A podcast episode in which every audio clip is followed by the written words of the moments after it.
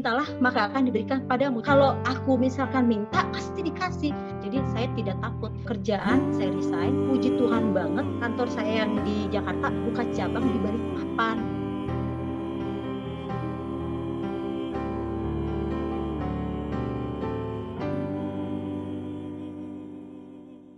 Jadi tidak pernah saya tertarik sama yang non advent.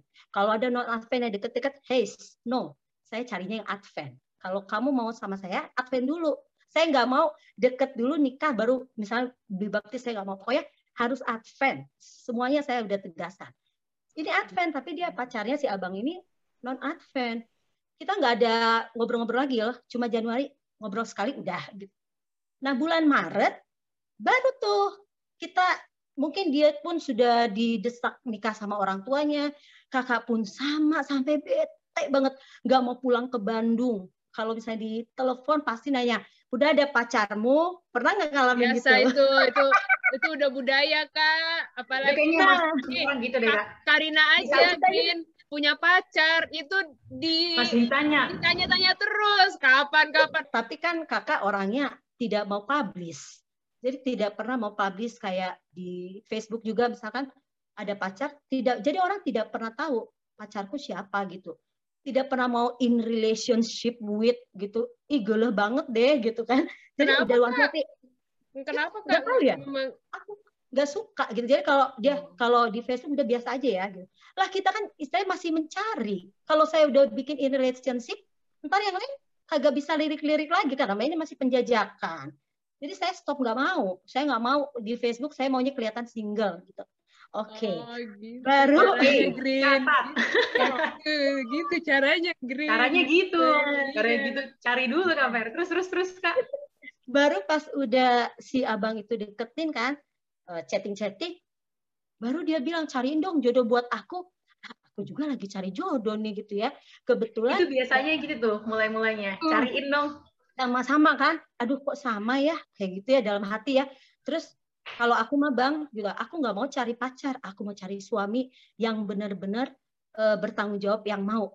Eh dalam hati dia mungkin ya bener juga ya. Aku juga sih mau cari yang serius. Ya serius? Pacaran? Aku nggak mau pacaran. Bilang gitu kan. Udah deh kayak gitu. Terus pacar pacar kakak itu kakak tanya kan. Jadi yang yang PDKT juga ada pacar juga ada gitu. Jadi saya tanya nih, kebetulan uh, saya tanya, eh kamu siap nggak nikahin saya uh, tahun ini gitu. Kebetulan itu kan tahun 2010 ya. Eh 2009 ya 2010. Ah nanti deh tahun depan belum siap. Terus yang satu lagi uh, saya pasti nikahin kamu tapi masih kumpulin duit. Ah no deh gitu.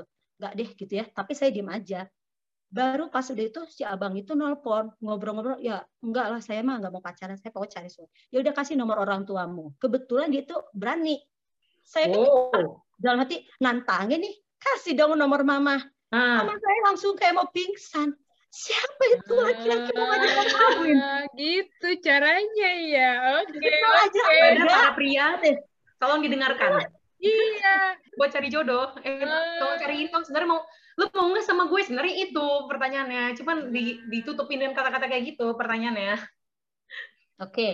Tapi kalian itu harus ini loh harus apa ya selain kita uh, memberikan apa sih syarat kita pun harus berdoa. Jadi uh, jangan salah saya dari bulan Januari itu puasa. Januari ke bulan Maret saya itu puasa dan setiap sahabat puasa.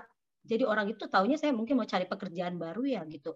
Saya tuh puasain jodoh loh. Jadi saya berdoa sama Tuhan, saya kasih kriterianya sama Tuhan karena saya berprinsip Matius 7 ayat 7 kan, mintalah maka akan diberikan padamu. Jadi kalau aku misalkan minta pasti dikasih. Jadi saya bilang nih sama Tuhan saya maunya cowoknya yang advent. Tuhan, saya maunya cowoknya itu uh, ya lebih tua lah, beda 3 sampai 5 tahun. Jangan terlalu tua.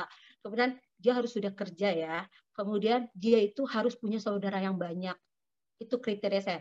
Dia harus sayang sama orang tuanya. Itu detail Karena banget ya kak ya? Nggak hmm? umum ya? Bener-bener detail hmm. banget itu nggak umum. Detail. Ih jangan takut loh sama Tuhan itu kita harus minta sesuai dengan apa yang di hati kita. Kemudian saya maunya orang Batak. Jadi yang yang lain sudah yang bukan Batak lewat langsung kan? Iya. Kemudian Itu saya selalu doakan setiap sahabat puasa, puasa, puasa. Eh benar tuh, dia langsung telepon orang tua saya, mama saya kaget, berarti kau nanti ke Kalimantan. Mama saya itu paling takut kalau saya itu jauh, karena saya kan eh, kakak saya ada sih perempuan satu ya, tapi karena saya sering di rumah, yang bantu di rumah ya masak lah, yang membereskan rumah lah, jadi kayak kehilangan seorang figur ini ya anak yang bantu di rumah lah gitu ya. Ya, ya seperti itu. Hmm. Nggak lama loh bulan Maret itu dia sudah uh, ngomong sama orang tua saya, kita langsung urus pernikahan. Jadi tidak uh, ini nggak ada masa-masa PDKT dan masa pacaran ya, gak langsung nikah. Nggak ada. Jadi bulan Maret itu nggak ada pacaran. Jadi kita, jadi udah nih kita jadi nih. Iya, kan orang tuamu udah ke telepon katanya. Oh gitu, kaget juga ya. Oh, jadi uh, kita jalanin aja. Iya, sekarang uh, persiapan aja pernikahan akhirnya oh, oke okay. ya aku bilang teh ya udah kita akhirnya atur nih Marhata Sinamot kapan? Bulan April kita Marhata Sinamot. Itu pertemuan ketiga. Sebelumnya dia pernah sih ke Jakarta. Waktu itu lagi ada adiknya melahirkan ya. Dia ada, ini pertemuan ketiga Marhata Sinamot. Dan waktu itu eh, karena keluarga dia kan di Sumatera semuanya, akhirnya mencarilah keluarga Girsang yang di Bandung. Nah, hmm Baru deh bulan Juli tanggal 4 Juli 2010 kita menikah. Ketika surat undangan, surat undangan sudah keluar, saya baru berani putusin semua pacar-pacar sama yang PDKT dijauhin hmm. semuanya. Hmm. Ketika hmm. surat undangan. Waktu surat undangan keluar saya nggak berani. Oh, kejanjian PHP gitu kan. Hmm, hmm. Surat undangan sudah tercetak, namaku udah ada di sana, nama dia udah di sana. Semuanya langsung, inilah hidup baru. Kalau kakak gitu, kalau sudah terima satu, dulu buka mata lebar-lebar, sekarang tutup mata rapat-rapat. Jadi hmm. semua yang PDKT dikat. Putus ya, putus ya. Sorry aku mau nikah, kaget semuanya. Ah bercanda. Kirim dulu surat undangannya baru saya tahu kamu mau menikah. Kata gitu. Saya kirim gitu kan. Nih fotonya ya. Kaget semua. Akhirnya setelah itu Marhata Sinamot waktu itu ketemu di Sarinah, kami duduk berdua. Kaku loh, Dek kaku orang kita nggak pernah pacaran. Ya, iya, baru ketemu. Iya, ketemu terus saya lihat-liatin. Nanti beneran ya bang? Mau lah, beneran? Kayak mimpi ya. Kamu ragu katanya. Kok kayak aneh ya, kayak canggung ya. Kayak saya merasa dia kayak aneh. Baru dia pegang tangan saya. Baru sudah itu, di situlah saya yakin bahwa inilah jodoh yang Tuhan kasih. Ketika sudah menikah baru saya review doa saya. Saya nikah kan umur 27. Iya, dia 32. Jadi beda lima tahun. Cocok. Batak cocok. Sudah kerja. Eh, kuliah juga ada pendidikannya. Kemudian saudaranya berapa? Saudaranya ada dia enam bersaudara. Dan ketika kita dibilang dia bilang kita eh, mau menikah, keluarganya langsung telepon saya kakaknya, adiknya kenalan gitu orang tuanya. Berarti dia dekat sama keluarga. Dan saya lihat, ih Tuhan kok sesuai banget ya dengan yang saya doakan gitu. Tidak sia-sia. Bahkan saya itu kan puasa bulan Januari ya. Mulai Januari saya baru puasa. Bulan Oktober itu kan Tuhan sudah membuka jalan. Buktinya saya udah ketemu dia di balik papan. Jadi terkadang saya lihat Tuhan itu kok sebelum kita minta, dia udah siapkan loh jodoh kita. Tapi dia kadang melihat mungkin ya keseriusan kita itu seperti apa. Tiga bulan saya puasa, kemudian bulan Oktober sebelum udah disiapkan jodohnya. Luar biasa banget. Jadi ketika kita sudah menikah pun, kita jalaninnya ya jadi seperti pacaran. Beneran seperti pacaran yang baru tahu karakter dia marah seperti apa, yang saya egoisnya seperti apa. Benar-benar di situ di satu tahun itu ya campur aduk gitu. Tapi seru loh sampai sekarang jadinya langgeng. Hmm, hmm. boleh dicoba tuh. Jadi dari ketemu sampai nikah nggak nyampe satu tahun ya kak? Oktober nikahnya bulan eh tadi Juli itu ini apa uh, Maret hmm. baru baru seriusnya kan Maret. Baru dia nyata ya oh. kalau itu kan oh. sama aja seperti yang lain. Orang WA eh bukan belum WA ya waktu uh, masih BBM bukan loh yang Yahoo itu apa sih? Yahoo, Yahoo, Yahoo Messenger. Ya, ya masih zamannya Yahoo Messenger. Lama itu guys, masih zaman Yahoo, Yahoo Messenger. Messenger, Bo. Zaman aku masih SMA itu. Ada juga yang friend ya dulu ya. Apa tuh dulu tuh? Friendster, Apa zaman Friendster? Friendster. Ah, Friendster. Ya Nah, dulu masih kayak gitu, gitu. Si si abang juga ini apa eh, gercep juga dia dan dia itu berani juga nggak maju mundur nggak yang banyak mikir eh, nanti dia begini ya gini enggak ya berarti dia juga udah yakin dari dirinya sendiri juga kan udah berdoa juga sama Tuhan pasti kan abang kan Iya. hebat loh Ih, Ya, iya, sama langsung ditelepon Dia juga sama. Ketika dia udah putuskan menikah, baru dia putusin pacarnya. Wah, keren juga nih. Memang sih cara Tuhan, tapi kakak bener-bener yakin kalau itu udah jodoh itu karena kakak juga pasti minta petunjuk sama Tuhan ya. Makanya kakak dong. yakin udah jalan gitu. Ya.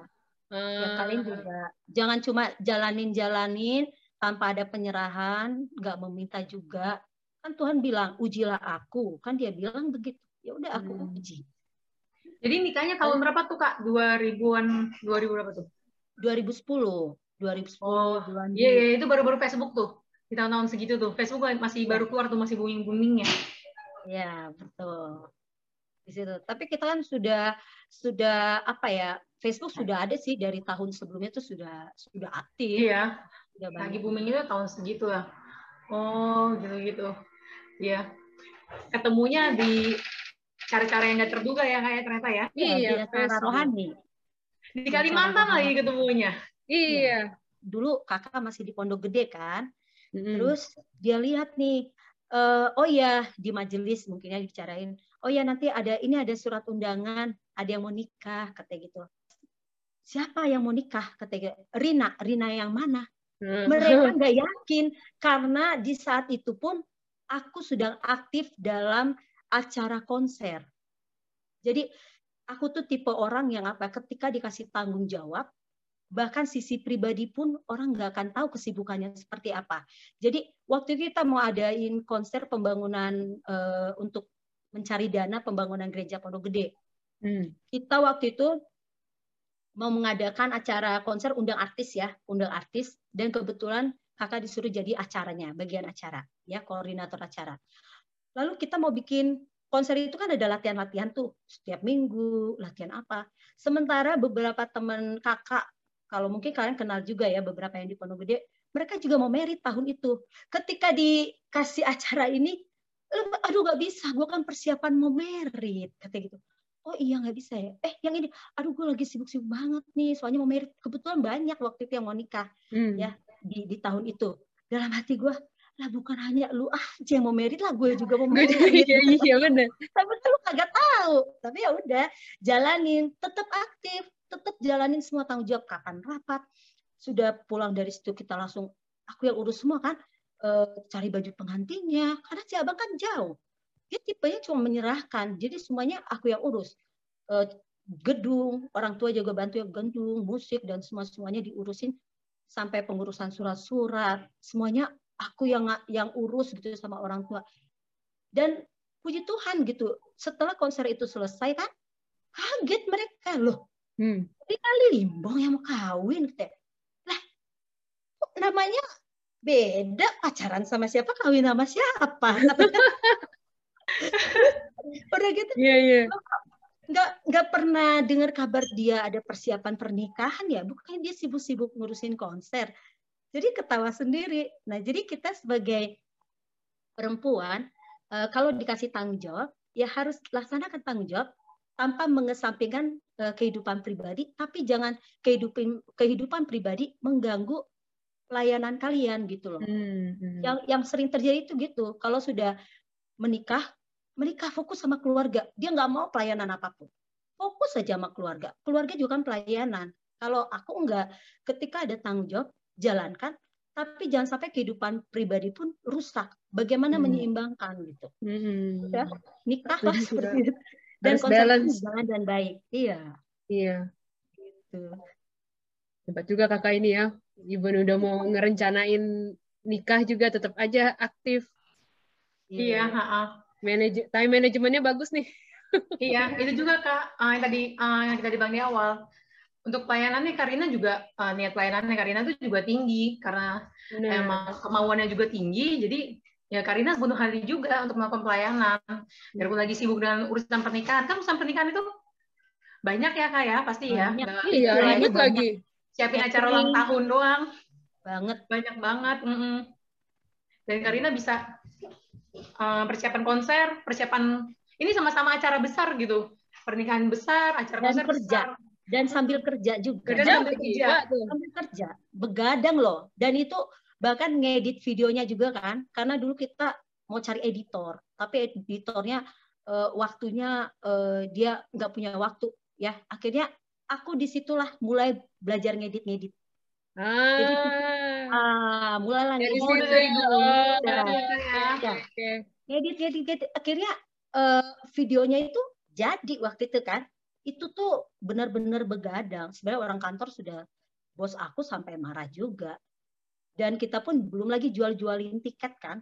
Tapi puji Tuhan loh bos aku beli tiketnya teman aku beli tiketnya bahkan kita pun ketika kita jual-jual apa tuh mereka pada mau beli orang-orang kantor.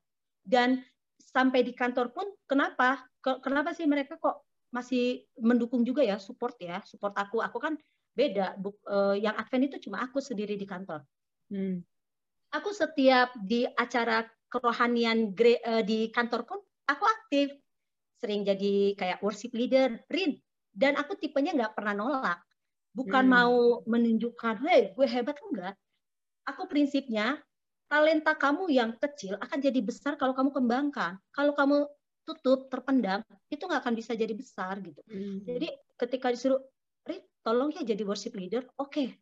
Apalagi kan bawaan kakak kan orangnya bersemangat kadang. Jadi mereka senang gitu kan nyanyi lagu-lagunya makanya dari kuliah lagu-lagu yang itu sudah hafal lah sudah tahu-tahu lah lagu-lagunya ya kemudian masuk lagi ke kantor orangnya yang sama juga kan sama-sama Kristen yang jadi melayani di mana aja deh ditempatkan Tuhan Hebat nih Karina, Uh, patut dicontoh dan diikuti untuk jadi semangat untuk kita juga, untuk yang mendengarkan Iya. juga, kita juga ya Kak Fer ya. Bener. Jadi kita tetap aktif, uh, biarpun uh, sibuk, kita usahain juga untuk pelayanannya. Nah Kak, kan ta- tadi nikah tahun 2010. Mm-mm. Uh, anak Karina yang pertama, Vanessa, umur Vanessa. sekarang Lahir. mau 10 tahun mau Berarti 10 tahun Lahir berapa tahun kemudian, Kak? Setelah nikah? 2012 2012. Hmm. ya kosong satu tahun Heeh, heeh. baru dia ada Baru Vanessa. baru Jeremy dua tahun kemudian Anak Oh, umur berapa Kak? Jeremy itu dia eh, mau 8 tahun mereka itu cuma beda selisih dua tahun bulannya sama lahirnya Bulannya sama. Oh, mm-mm. isi dua tahun ya. Ini Hmm. sekarang anak ketiga 2000. Sekarang tahun berapa sih? 2022 Januari selisihnya. Jauh ya, jauh jauh berarti ya. Baru jauh jauh ada itu ada tuh ceritanya kenapa kok bisa jauh Cuman kakak eh share pengalaman dong, gimana sih rasanya pas sudah apa tuh memasuki kehidupan mau punya anak? oh iya. Jadi eh, setelah menikah itu karena kan di Alkitab dibilang ya seorang wanita akan meninggalkan keluarganya dan bersatu bersama suaminya. Itu juga eh, penting ya. Kadang kan ada yang setelah menikah dia nggak mau. Aku mau tinggal sama orang tuaku aja gitu tidak bisa kita ikut suami ke mana saya ikut. Jadi saya tidak takut. Jadi eh, kerjaan saya tinggalkan yang di Jakarta saya resign. Tapi puji Tuhan banget buka cabang nih. Kantor saya yang di Jakarta buka cabang di Balikpapan. Hmm. pas banget. Akhirnya saya minta mutasi pak. Saya minta mutasi dong ke Balikpapan. Di dikasih dong. Kebetulan bos saya itu baik banget Kristen. Suka temen ini juga temen nyanyi bareng gitu kan bos. Hmm. jadi oke gitu oke saya mutasilah ke Balikpapan kerjalah di sana. Masuklah waktu itu ke gereja sekolah ya. Kan di sana ada sekolah Balikpapan gereja sekarang namanya Philadelphia. Nah kemudian saya melayani di situ. Dipilih juga nih udah ibu-ibu. Eh dipilih jadi ketua PA gitu kan. Hmm. tadi sana nggak ada PA junior. PA junior kan nggak ada. Nah saya buat tuh PA juniornya wah seneng banget mereka anak-anak yang di sana tadinya tidak aktif jadi aktif gitu kan jadi mereka pun eh, sangat eh, senang gitu ya melihat anak-anaknya aktif Hmm. lalu punya anak setelah punya anak baru saya mundur karena kita juga kan harus menyimbangkan. Kita juga ada kebutuhan untuk keluarga, tapi harus dipilih-pilih. Kalau dulu semuanya digas gitu kan. Ada pelayan apa? Keluar kota gas, ini gas. Sekarang agak direm-rem dikit nih. Saya kan sudah punya buntut nih, gitu ya. Hmm. Jadi eh, kalau mau bawa acara ya yang jangan yang terlalu gimana lah gitu. Jangan terlalu capek waktu, ya. Ah, yeah. waktu, waktu uh. sih yang paling ini kan. Ya iya. udah, yeah. akhirnya fokuslah di keluarga. Lahirlah Vanessa bulan April tahun 2012 dengan operasi sesar. Hmm. Itu tuh, aduh, pokoknya ceritanya sedih banget deh waktu Vanessa lahir. Kenapa? Karena jadi uh, kakak kan satu tahun kosong ya, satu tahun kosong. Kemudian uh, dalam satu tahun itu pun, kalian tahu nggak kalau sudah menikah itu, walaupun baru seminggu menikah, netizen Indonesia itu wow banget gitu. Langsung, eh gemukan dikit Itu, ya. pertanyaan selanjutnya ya kak ya, setelah kuliah, nikah, setelah nikah, anak. Bener, bener. Maksudnya gitu, oh tuntutan tuntutan habis nikah itu pengennya pengen cepet mau ada momongan. Betul. Jadi oh. jangan heran nanti kalau kalian juga ada di posisi itu. Jadi baru menikah langsung, ih gemukan ya, ih udah isi belum? Ya ampun mak, baru juga kawin minggu lalu gitu ya. Terus nanti misalnya kita uh, pegang dipegang perut kita, udah isi belum? belum isi yang kayak gitu tuh bikin kita tuh agak stres ya gitu ya. Iya iya iya. Di, di balik itu cuma kakak kan orangnya kan positif ya, positif thinking deh. Tapi sepositifnya kalau setiap hari ditanya-tanyain lah, ya orang sih. tua nanya, temen ya. nanya. Kesel juga kak. Ujung-ujungnya ya, stres juga.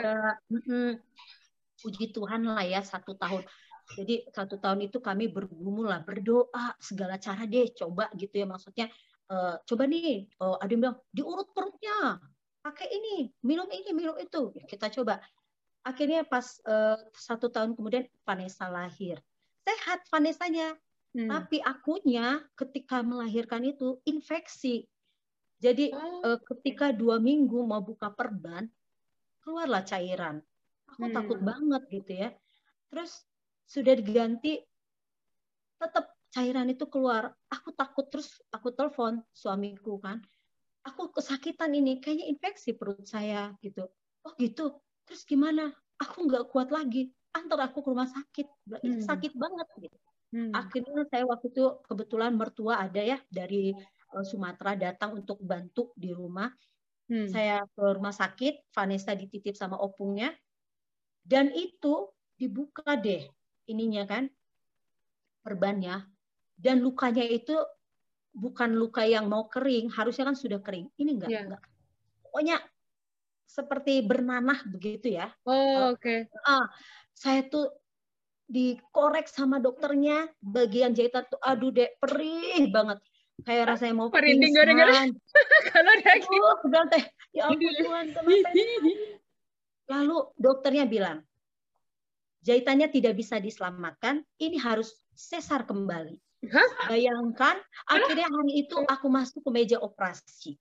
Aku Apanya nggak disesar? Maksudnya, maksudnya gimana? Di black lagi perutnya, Vera. Apa ya? iya. Akhirnya aku di black lagi. Emang ya perjuangan ibu itu ya. Terus saya bilang, dokter kenapa gitu? Akhirnya saya waktu itu kalau waktu kelahiran pertama kan cuma setengah ya, maksudnya uh, di bius setengah. Sekarang bius total. Jadi bius total saya tuh nggak sadar. Gak tahu ya itu kalau antara hidup dan mati istilahnya kan. Akhirnya udah setelah operasi pun dokternya bilang saya nggak usah dibayar kata dokter. Mungkin dokternya merasa bersalah juga gitu ya. Eh, hmm. Dokternya masih muda ya. Lalu saya nggak usah dibayar katanya. E, nanti semua obat-obatan juga nanti ditanggung rumah sakit. Terus oh ya sudah, aku bilang gitu. Akhirnya berjalan selama satu bulan itu setelah operasi juga masih keluar loh cairan dari perut. Jadi tetangga saya itu bantu banget. Setiap hari dia datang untuk membersihkan cairan keluar 10 mili setiap pagi. Aduh.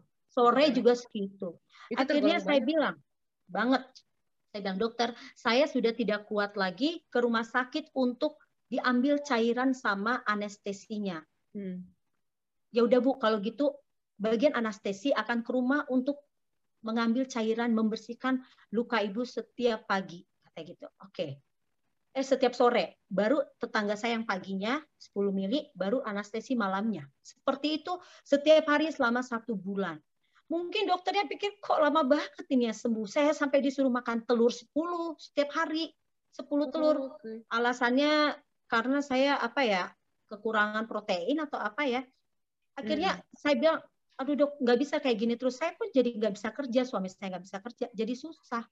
Ya udah bu, kalau gitu ibu dirawat satu minggu di rumah sakit gratis.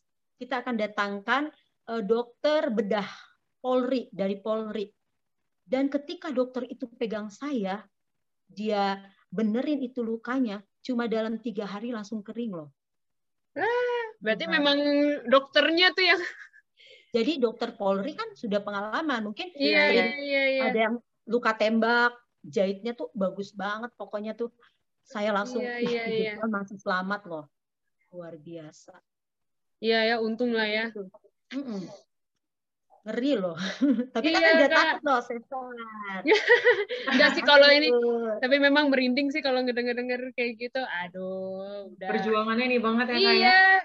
Soalnya kan kalau udah infeksi, ah susah. Tapi itu nggak, eh, Karina jadi nggak trauma kan ya tapi ya, ya Enggak. sekarang udah anak Tadinya tiga gitu. gitu. tadi tadinya aku harusnya normal di situ. Cuma bukan sampai bukan empat, nggak nggak nambah-nambah bukaan, udah ketubannya udah hampir kering, udah pecah ketuban. Jadi mau nggak mau, akhirnya saya pun udah lemes ya karena terus kontraksi. Akhirnya udah sesar, keputusannya sesar gitu.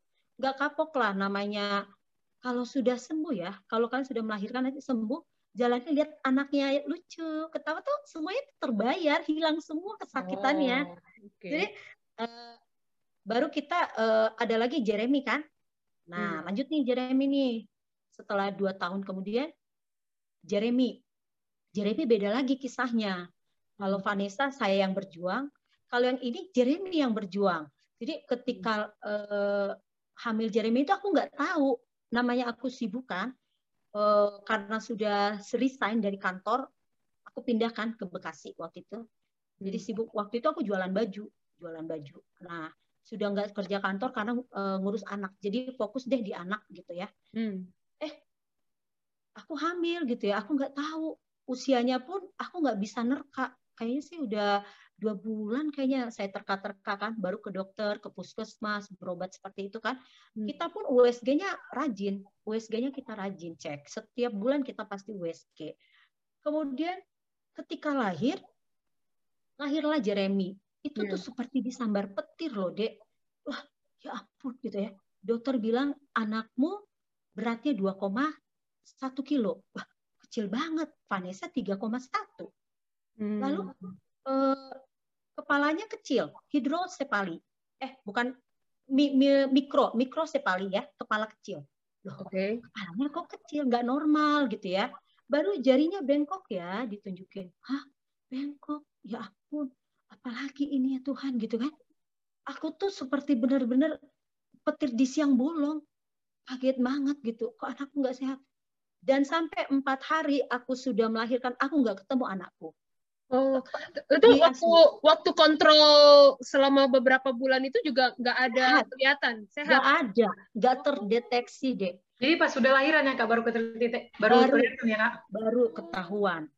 Empat hari kok anak saya mana? Aku bilang gitu. Maaf. Saya kan mau Itu Karina mesti saya. kasih tahu tuh. Eh, kata dokternya, iya sabar ya bu, masih di ICU katanya gitu. Aduh, aku bilang "Teh, eh, kenapa? Dia susah minum, susah menelan katanya gitu. Akhirnya eh, setelah empat hari saya paksa kan, tolong antar ke saya, aku bilang gitu. Air susu saya juga nggak nggak keluar banyak gitu kan jadinya kan. Akhirnya ketika saya an- diantar, muka anak saya biasa lah kalau bayi-bayi baru lahir itu kan agak kuning ya, itu hal biasa ya jadi Hmm. eh, agak kuning dia diam seperti bayi yang mati jadi saya tuh kayak kehilangan harapan saya berpikir apa ini dia waktunya nggak akan lama ya? Singkat kali ya. Kok wajahnya pucat banget gitu ya? Dan dia pun mutah saat itu. Jadi semua eh, susu yang dia minum itu keluar semua. Lalu cepat-cepat dibawa sama si perawat. Tapi pelayanan di rumah sakit saat itu saya rasa kurang bagus. Jadi kalau kita pun sebagai orang tua harus bisa menentukan ya yang terbaik lah buat diri kita sama keluarga. Saya lihat pelayanan kurang bagus, saya bilang sama dokternya, saya mau pulang. Saya eh, harus pulang dan saya akan rawat anak saya sendiri. Saya tidak mau anak saya di ICU terus. Aku bilang gitu. oh ibu kalau gitu harus pakai surat uh, keluar paksa oh tidak masalah saya tanda tangan saya tanda tangan baru di rumah